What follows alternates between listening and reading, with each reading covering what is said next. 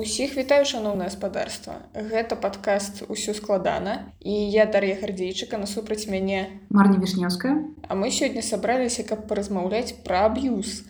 Гэта такое слоўца, якое я пачула ўпершыню пару год таму і яно ад пачатку мела чыста псіхалагічныя канатацыі, а потым яно стала нейкае мемнае. То бок я ў тиктоку пачала заўважаць усе гэтыя мой хлопец арбузер прышпілы пра той, як хлопец разразае гарбуза. Я памятаю, у мяне была аднагрупніца яшчэ на філфаку, як давно гэта было, якая казала адбыўся аб'юз ва ўсіх незразумелых сітуацыях. Напрыклад, у яе сайт універсітэта вылеціў чарговы раз і такая адбыўся аб'юз плюс ад сайта грду і вось з таким усведамленнем пра тое што аб'юз гэта з аднаго боку нейкі псіхалагічны панятак які я чую ад людзей з псіхалагічнай адукацыі і актывістак з іншага боку гэта нейкі мем і дайшлі да таго што трэба ўсё ж таки паразмаўляць з чалавекам які мае досвед у псіхалогіі каб тая асоба нам патлумачыла што гэта ўвогуле значыць насамрэч і мы запрасілі спадарню марту привет марта расскажы калі ласка пра сябе чаму мы запрасілі менавіта цябе размаўляць пра аб'юз мне интересно будет про это поговорить освежить свое понимание понимание того, как сейчас к этому относиться, к этому слову. Я психотерапевтка, я работаю в том числе с женщинами, которые оказывались в ситуации насилия, абьюза. Может быть, поэтому вы меня пригласили. Начнем э, с определения слова, что такое абьюз, потому что это англицизм, потому что в белорусском или русском языке нету, мне кажется, аналога, оно переводится как слово насилие, но полностью ли это отражает то, что значит это слово. Вообще абьюз в английском языке означает в том числе первоначально злоупотребление.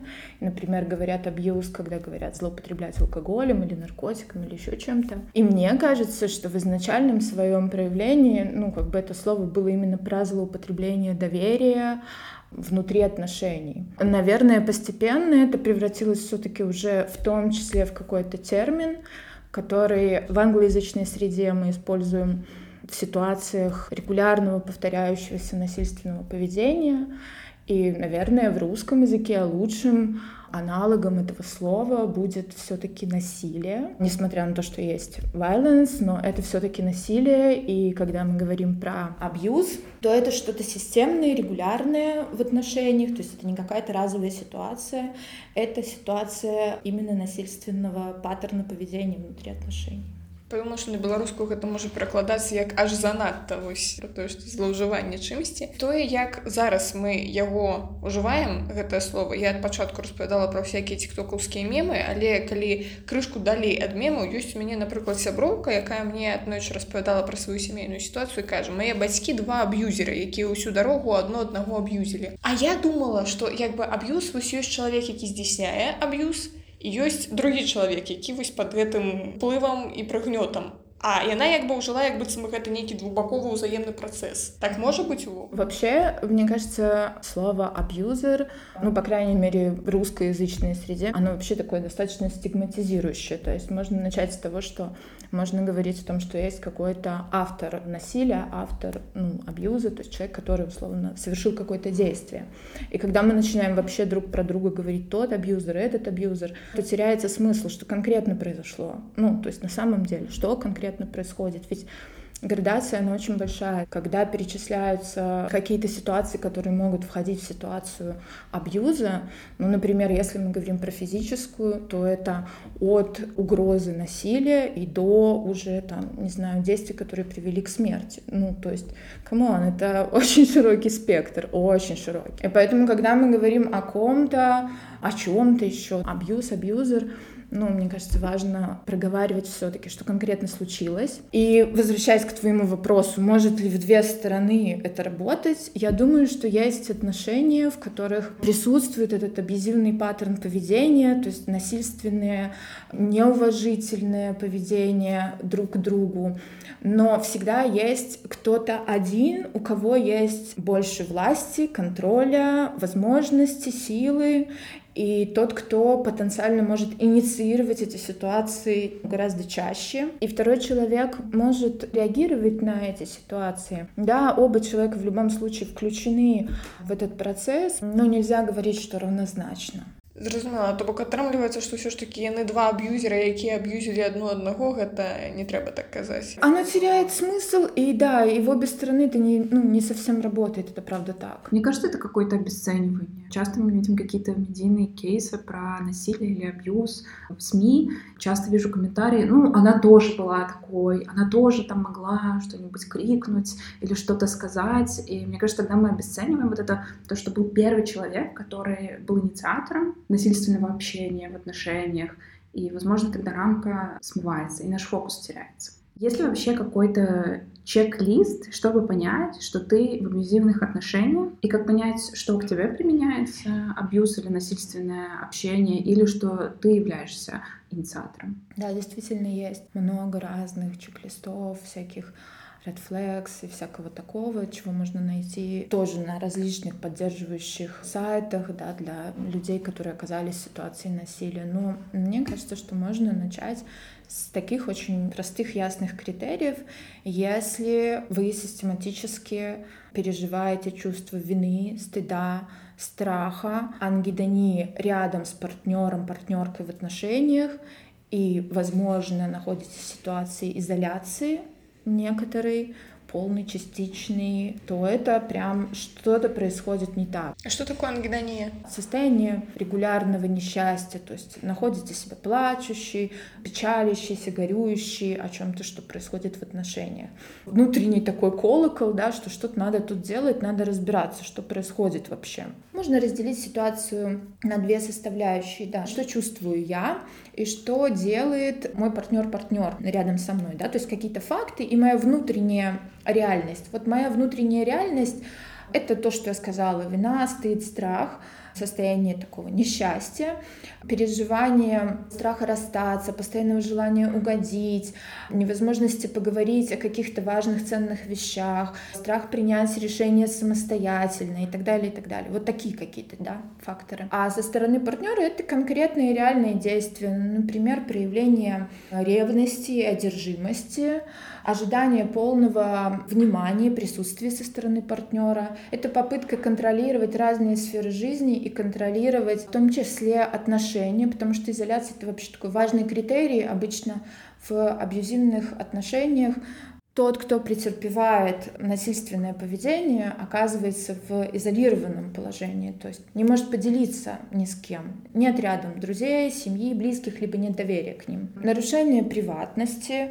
там, просмотр телефона, почты, подслушивание, подсматривание, установка наблюдения и всякие разные такие вещи. И угрозы разного характера, причем они могут касаться и того, что будет сделано в отношении партнера, и угрозы в отношении себя. То есть, например, я покончу жизнь самоубийством, если ты не. И так далее. Да? То есть манипуляции такого рода.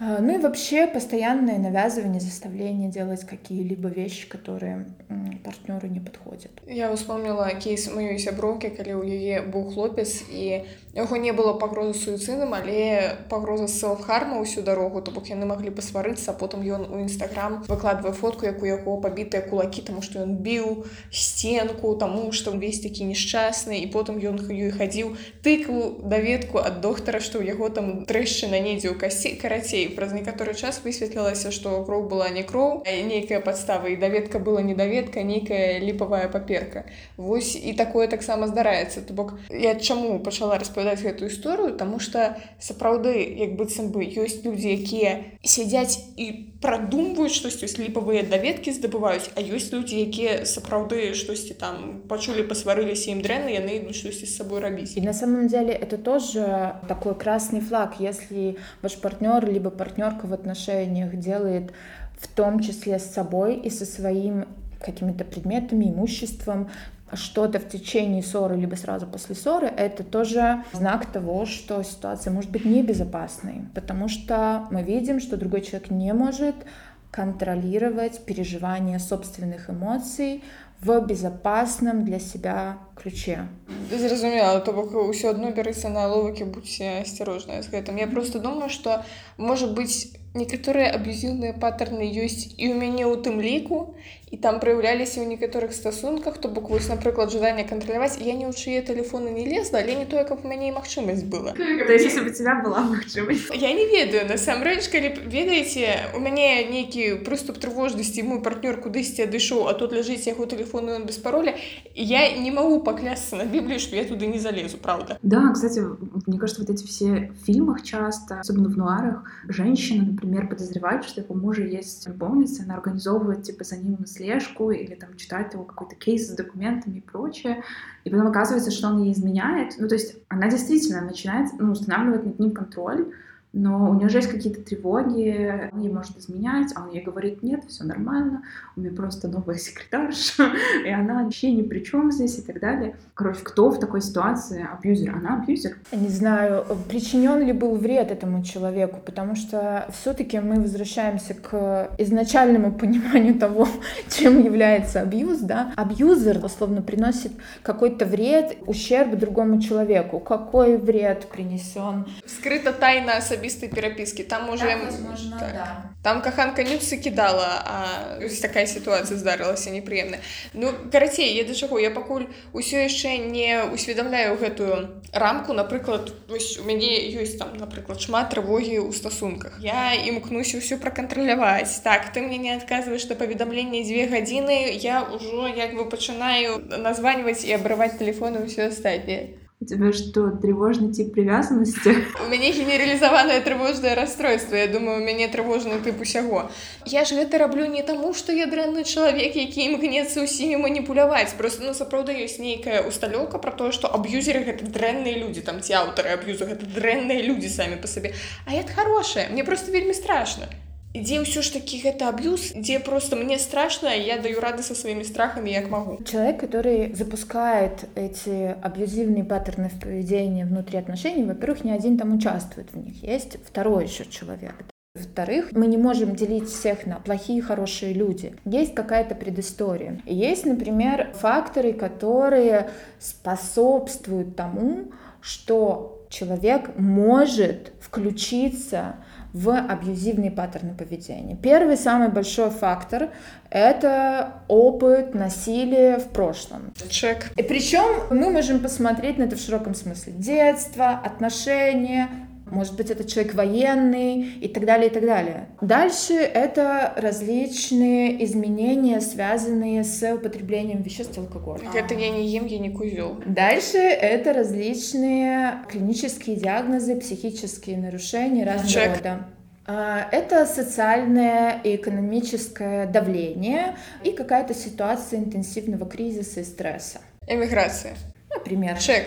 Ты собрала бинго. Яшчэ не, яшчэ я не уживаю ничего. Эти факторы могут способствовать тому, что человек, который не имеет намерения манипулировать, устанавливать контроль, быть агрессивным и так далее, и так далее, может, тем не менее, в какой-то момент, не имея достаточной базы, ресурсы и имея ну, некоторое ослабленное состояние, скажем так, ментальное, психическое в том числе, начать проявлять абьюзивные паттерны поведения. Поэтому говорить о том, в том ли месте я или не в том ли месте, да, когда у человека появляется на этот счет беспокойство, можно обратиться за помощью и поддержкой к друзьям, к близким, поговорить со своим партнером, если у партнера либо партнерки какие-то претензии, ну и, может быть, самостоятельно сделать эти чеки, да, и что-то предпринять для того, чтобы чувствовать себя устойчиво. Если я, например, почитала вот статью в интернет-журнале, часто сейчас много таких статей, проверьте, в абьюзивных отношениях или нет вот я вспоминаю какие-то свои бывшие отношения, половина подходит, но я не чувствовала себя плохо в этом. Ну, то есть я понимала, что у нас есть какие-то проблемы в отношениях, да, мы потом разошлись, потому что мы поняли, что мы не те люди,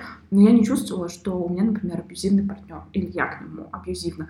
Просто мы такие были суперэмоциональные люди, ну, это правда так, и мы иногда там могли суперэмоционально выяснять отношения, но это как бы работало и в две стороны, и, ну, никто никого не бил, например, ключи не отбирала дома и прочее, ну, он мне мог сказать, о, опять пошла со своими пацанами гулять, и я говорила, да, и что, и уходила. Я иногда думаю, блин, Я была в абьюзивных отношениях, что ли, или нет? Мне кажется, что нет. Как это понять, что ты в абьюзивных отношениях, и, например, да, нужно уходить, или не нужно уходить? Может, вообще надо сначала сходить там, на терапию семейную и поговорить о чем-то? Есть э, какая-то совокупность, условно, того, что приносит радость, удовлетворение, удовольствие, вдохновение внутри отношений, интерес, любопытство, то есть порождает какие-то классные переживания рядом с партнером внутри отношений. Совокупность этих вещей ну, точно должна перевешивать каком-то регулярном процессе совокупность каких-то других ситуаций, да, которые случаются. И, конечно, в абсолютно любых отношениях происходит что-то, что можно из вот этого списка красных флагов там найти и сказать, так, у меня уже в этих отношениях было это, это, и то, и то, ну, наверное, все, абьюз, капец, надо расставаться. Но на самом деле это есть во всех отношениях. Вопрос в том, как мы с этим обходимся, какое количество, и продолжаем ли мы быть, да, в целом счастливы внутри этих отношений, хотим ли мы их продолжать. Мне кажется, что вообще идея о любви и отношениях очень сильно изменилась. Если когда-то раньше, может быть, люди представляли, что они остаются в отношениях там, во что бы то ни стало, потом они уходили из отношений, когда очень плохо, а теперь люди уходят из одних отношений в какие-то другие, потому что в тех вроде нормально, но в следующих может быть лучше. Ну и тут большой вопрос, как бы, как мы себя переживаем, считаем ли мы наши отношения конечными, хотим ли мы иметь дело с тем, что происходит с собственными кризисами, с кризисами наших партнеров и партнерок, как мы готовы все это переживать. Я не думаю, что есть какое-то универсальное решение, но точно мир очень сильно изменился. Например, предполагаем ли мы, что мы можем отдать над собой власть кому-то другому? Но это то, что сейчас считается абсолютно неправильным и абьюзивным, но на самом деле на протяжении всей истории любви и отношений это было тем, чего люди хотели, устанавливать друг на другом власть и отдавать ее. Да? Мы видим это в языке, отдаться. Я отдалась, я отдался. Я нашла самое первое зафиксированное стихотворение о любви, и оно на самом деле очень красивое, и в нем есть прекрасные строки, но также там есть, например, такие строки. «Ты, потому что ты любишь меня, дай мне молиться о твоих ласках, мой господин Бог, мой господин защитник, мой Шусин, который радует сердце Энлиля, молюсь о твоих ласках. Только потому, что ты любишь меня, я молюсь о твоих ласках. Но там одновременно есть прекрасные слова, где она говорит, жених, позволь мне тебя ласкать, в опочивальне, наполненный медом. Да, совершенно другого характера вещь. Принцип согласия. А, да. Еще и мед. Не по вегану. И я думаю, этот баланс между... Очень хорошо описывает психологиня Эстер Пирель она говорит о том, что в отношениях в длительных должен сохраняться этот баланс безопасности, доверия одновременно риска и неизвестности да, какой-то. Поэтому, когда мы в длительных отношениях, ну, в них происходят разные вещи. Правда, совокупность счастья, наверное, определяет то, хотим ли мы продолжать. Я, напэўна, яшчэ одну тэму укіну вось у гэта ўсё, таму што ад часу да часу бывае, што ты не можаш быць шчаслівай ці ты не можаш быць шчаслівым у гэтых стасунках, таму што ты сам ці сама зараз у такім стане, што не можаш быць шчаслівай ні ў якіх стасунках і праблема не ў тым, што тут адбываецца аб'юз і там з партнёрам ці з партнёркай нешта не так, а просто вось твой стан такі зараз. Это правда так. Общее ресурсное состояние и то, о чем я говорила, диагнозы, да, то есть если человек находится в депрессии, либо ну, имеет какие-то другие изменения состояния, это не стигма, но просто нужна помощь и поддержка больше, чем в другой ситуации, да, и внутри отношений это может отражаться, и, конечно, будет отражаться. Если я понимаю, что у меня есть какие-то психологические проблемы, что, например, я в состоянии депрессии, лучше вообще не лезть в отношения. Или надо просто на берегу предупредить, и человек скажет, да, окей, все хорошо, я тебя понимаю, а потом оказывается, что он вообще не понимает. Ну, мне кажется, так обычно и есть. Так обычно и есть. Никто ничего не понимает, никто не знает, с кем и с чем встретиться в отношениях, даже если туда входит условно два здоровых человека. Да, можно предупреждать и говорить, но на самом деле быть готовым встретиться с вызовами судьбы, потому что это то, что всегда происходит в отношениях, да, и принимать решения по пути. Раптам мы прайшлі ўсе гэтыя чек-лісты, такія ўсё аб'юзіўныя стасункі ставім пачатку. Ёсць нейкі шанец, што яны могуць ператварыцца ў неаб'юзіўныя стасункі. То бок тыя ж самыя людзі, але з імі нешта здарылася, что стасунки стали неабьюзивными? Ну, я думаю, это намерение, желание и какой-то процесс, может быть, с каким-то медиатором, ну, например, психологом, да, каким-то консультантом, может быть, через только внутренние, регулярные какие-то разговоры и практики. Да, отношения меняются точно так же, как отношения устойчивые, счастливые могут тоже измениться в какой-то момент в связи с кризисом одного из участников или двух участников отношений. Точно так же и они могут измениться в счастливую сторону. Просто, ведаеце, у мяне зараз таксама разрыў шаблона адбываецца, таму што калі чытаць усе гэтыя псіхалагічныя артыкулы і пасты ўсё астатняе, то там просто бяжы ўсё кідай бяжы тому что з гэтым нічога добрага ніколі не будзе нет ну определенно есть вопрос нужно ли вам вступать например в отношения когда вы видите что они предположительно будут абьюзивны а як это можно побачить например очень быстрое сближение человек пытается сразу же изолировать от окружения давай быть быстрее жить вместе давай быстрее родим детей давай быстрее еще что-то да уходить с работы. И достаточно быстрые какие-то флаги, связанные с угрозами, с манипулятивным поведением и так далее. Нужно ли вступать в такие отношения? Ну, наверное, нет, когда в них еще нет ценности. Но когда люди находятся в отношениях длительное время, и в этих отношениях есть ценность, и эта ценность не только в том, что происходит между во времени, но и в жизни и опыте человека, который прожил эту жизнь рядом с другим. И если там что-то происходит не так, ведь мы помним градация очень большая, да. Что мы подразумеваем под этим словом абьюзивный? Ну, я думаю, что у двоих может быть намерение изменять эту ситуацию, но может быть и нет. Одному человеку норм, другому не норм. И что робить? Принимать решение. Сейчас, мне кажется, мы живем в таком мире, который изменился совсем недавно, после начала движения МИТУ, когда люди публично начали говорить о насилии, об абьюзе в отношениях. И часто мы можем видеть все эти прекрасные комментарии, почему ты не ушла раньше, почему ты терпела, почему ты с ним была 3, 5, 10 лет.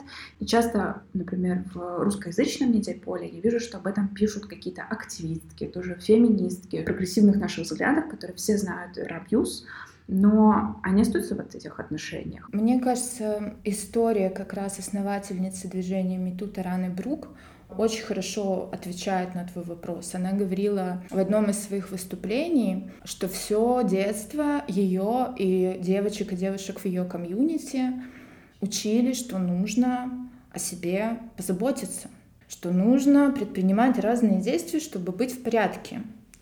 И поэтому, оказавшись в ситуации абьюзивный, да, в ситуации, где все не в порядке, она переживала это как свою вину, понимая, не понимая, мы не можем об этом говорить, есть ощущение, переживание внутреннее, с которым очень сложно спорить. И поэтому женщины, которые оказываются в такой ситуации, переживают стыд, переживают вину, переживают себя как несостоятельную женщину, которая оказалась внутри отношений, пытается что-то сделать, чтобы скрыть, чтобы исправить, еще сильнее и сильнее попадают в эту ловушку. Но это точно не вина женщин, которые оказались в этой ситуации. Можно ли сказать, что мы просто настолько живем в этой системе прессинга от патриархата, что ты должна быть хорошей женой, хорошей девушкой, ты должна родить детей, у тебя должны быть отношения, что вот этот страх, что ты не справилась с этими отношениями,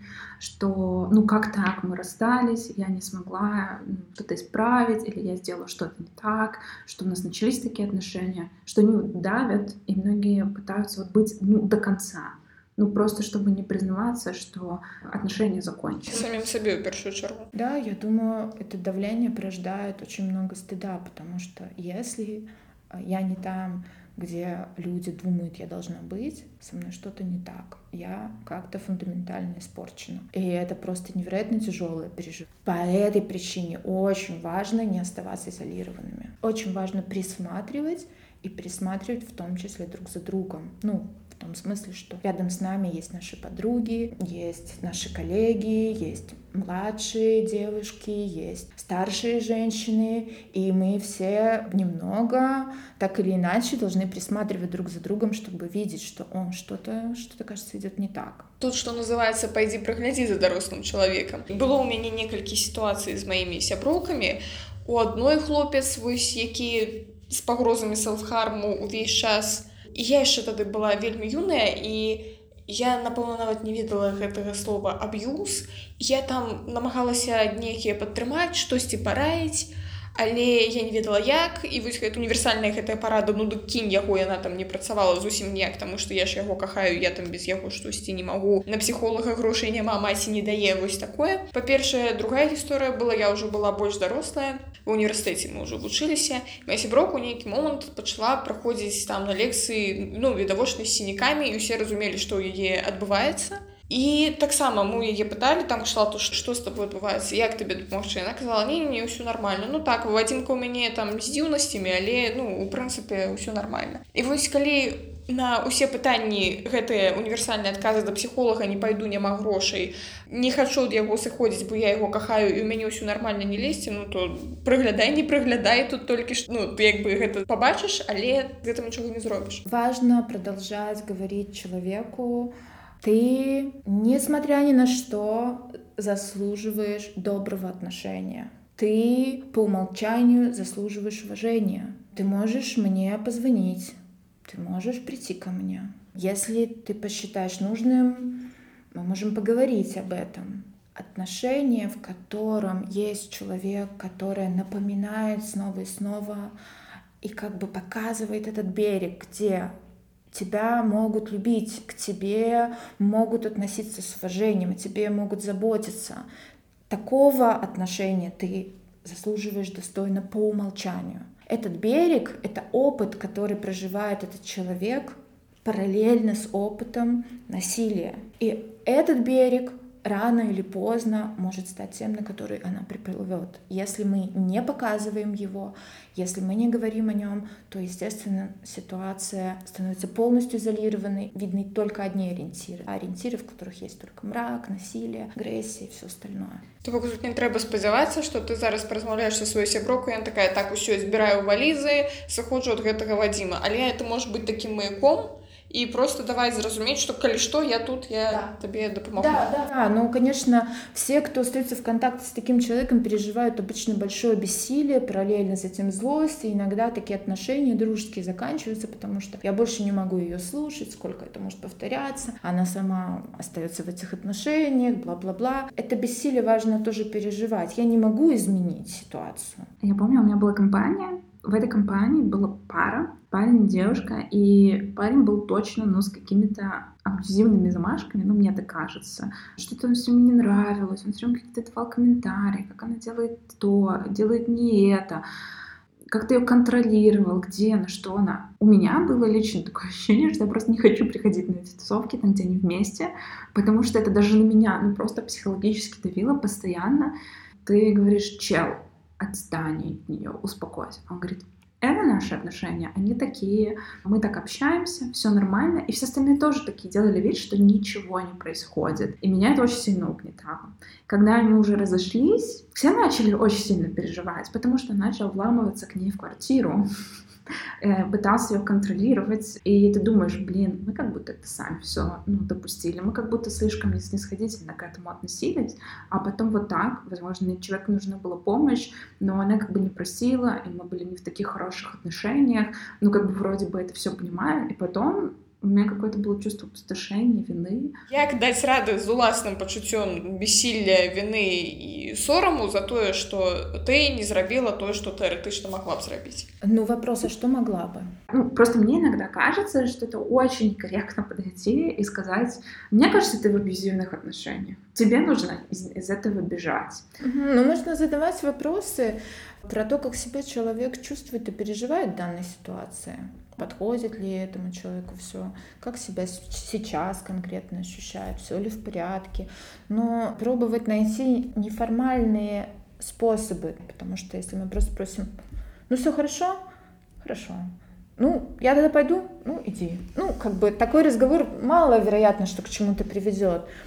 А, Возможно, заметить что-то происходящее, спросить, как тебе с этим, да, как ты себя чувствуешь с этим, все ли сейчас ты бы хочешь, хочешь ли я что-то для тебя сейчас сделаю. Это первое. Второе, да, говорить о своих чувствах, потому что если, глядя на какую-то ситуацию, вам страшно, то можно говорить о себе. Слушай, я сейчас видела эту ситуацию, я испугалась, а ты испугалась? И если человек говорит, ну нет, ничего страшного, да, для меня страшно, давай поговорим, а часто у тебя такое происходит? Опять же, снова и снова напоминать, эй, я здесь, я рядом. В случае близких отношений можно предпринимать больше действий, если хочется, если на это есть какой-то собственный ресурс. Ну, например, если вы видите, что человек находится в ситуации, ну, к примеру, экономической несвободы, разговаривать о возможностях заработка, о работе, беседовать об этом, предлагать свою помощь, поддержку и так далее, и так далее, да, потому что постепенно шаги помогают выйти из этих отношений. Если это будет нарушением границ, и другой человек не будет хотеть с вами разговаривать, то она тоже может, или он может сказать вам об этом. Я думаю, уважать свободу выбирать, в том числе, это тоже такой ну, важный критерий. Я вижу, что ты самостоятельный, отдельный человек, я с тобой общаюсь не как с жертвой, Окей, давай тады ўявім, што асоба на другім баку сказала так, ведаеш, некамфортна мне ў гэтых стасунках, я думаю, трэба з іх сыходзіць. Можа быць, у цябе ёсць нейкія парады. Што, уласна кажучы, рабіць, каб выйсці з ну, відавочна аб'юзіўных стасункаў. Ну, думаю, что план продумывать, и опять же, в какой ситуации человек находится, какого рода абьюзивные паттерны поведения, потому что, я напоминаю, есть психологический, физический, сексуализированное и экономическое насилие. Что происходит там? То есть если особо находится в ситуации, где экономически она ограничена, например, проживает на территории партнера, нет работы, нет возможности прямо сейчас пойти и устроиться, нет никаких финансовых накоплений. Есть еще какие-то другие особы, за которыми нужно присматривать, ребенок, например.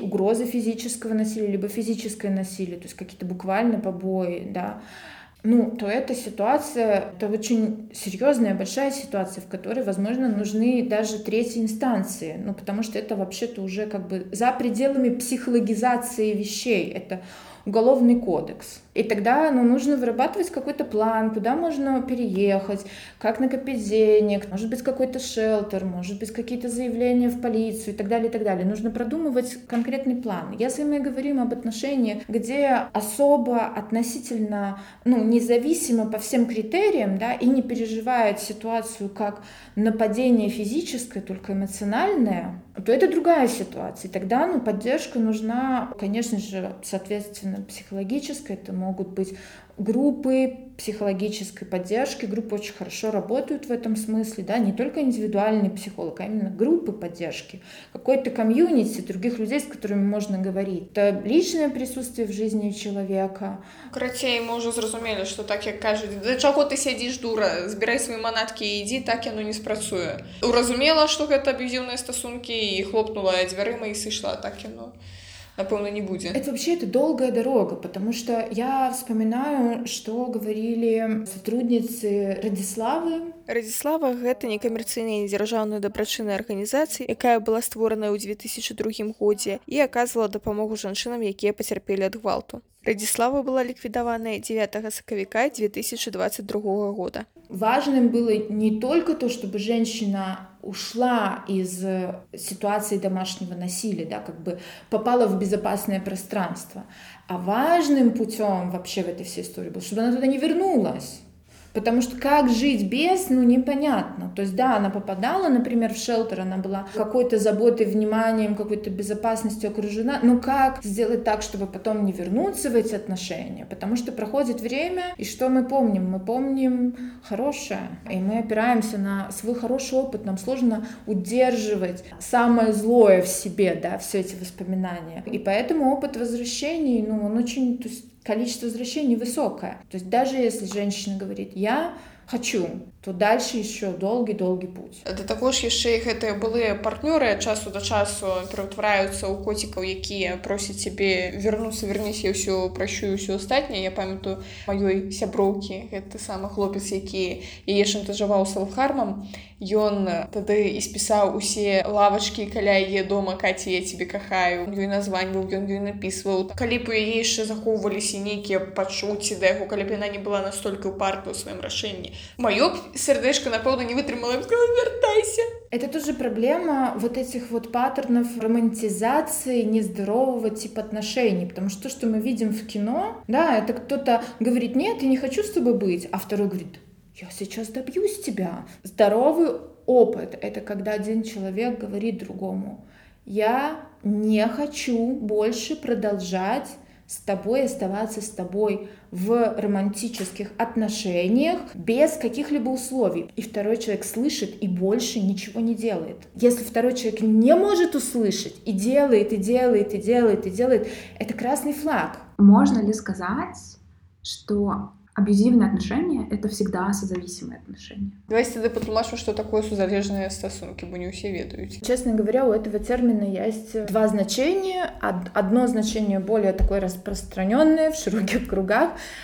Я подразумеваю это то, о чем спрашиваешь ты, это когда один зависит от второго, а второе значение, условно профессиональное, это когда один человек имеет зависимость, а второй находится с ним в отношениях. Если и правда у одного человека есть зависимость от чего-либо, а второй зависит от этого человека, то это точно ведет к аб'юзивным паттернам поведения. В принципе, что про сузалежныя стасункі что про аб'юзіўныя стасункі даволі часто я у блоге адной псіхалагіцы гэта будзе нашай сталай рубрыкай дашай блог адной псіхалагіцы дык вось гэтая самая псіхалагіца пісала як я зараз гэта считываю як віктаблейминг может быть вы мяне поправіце у гэтым быццам бы спелыя людзі ці нейкія там дарослыя людзі ці людзі якія прайшлі псіхатэрапію і ўсё усведомлена усвядомілі пра сябе і увогуле у іх там узровень свядомасці вырас яны не трапляюць ні ў аб'юзіўныя стасункі ні ў сузалежныя стасункі нікуды яны не трапляюць а просто будуюць свае стасункі як дарослыя людзі дамаўляючыся пра ўсякае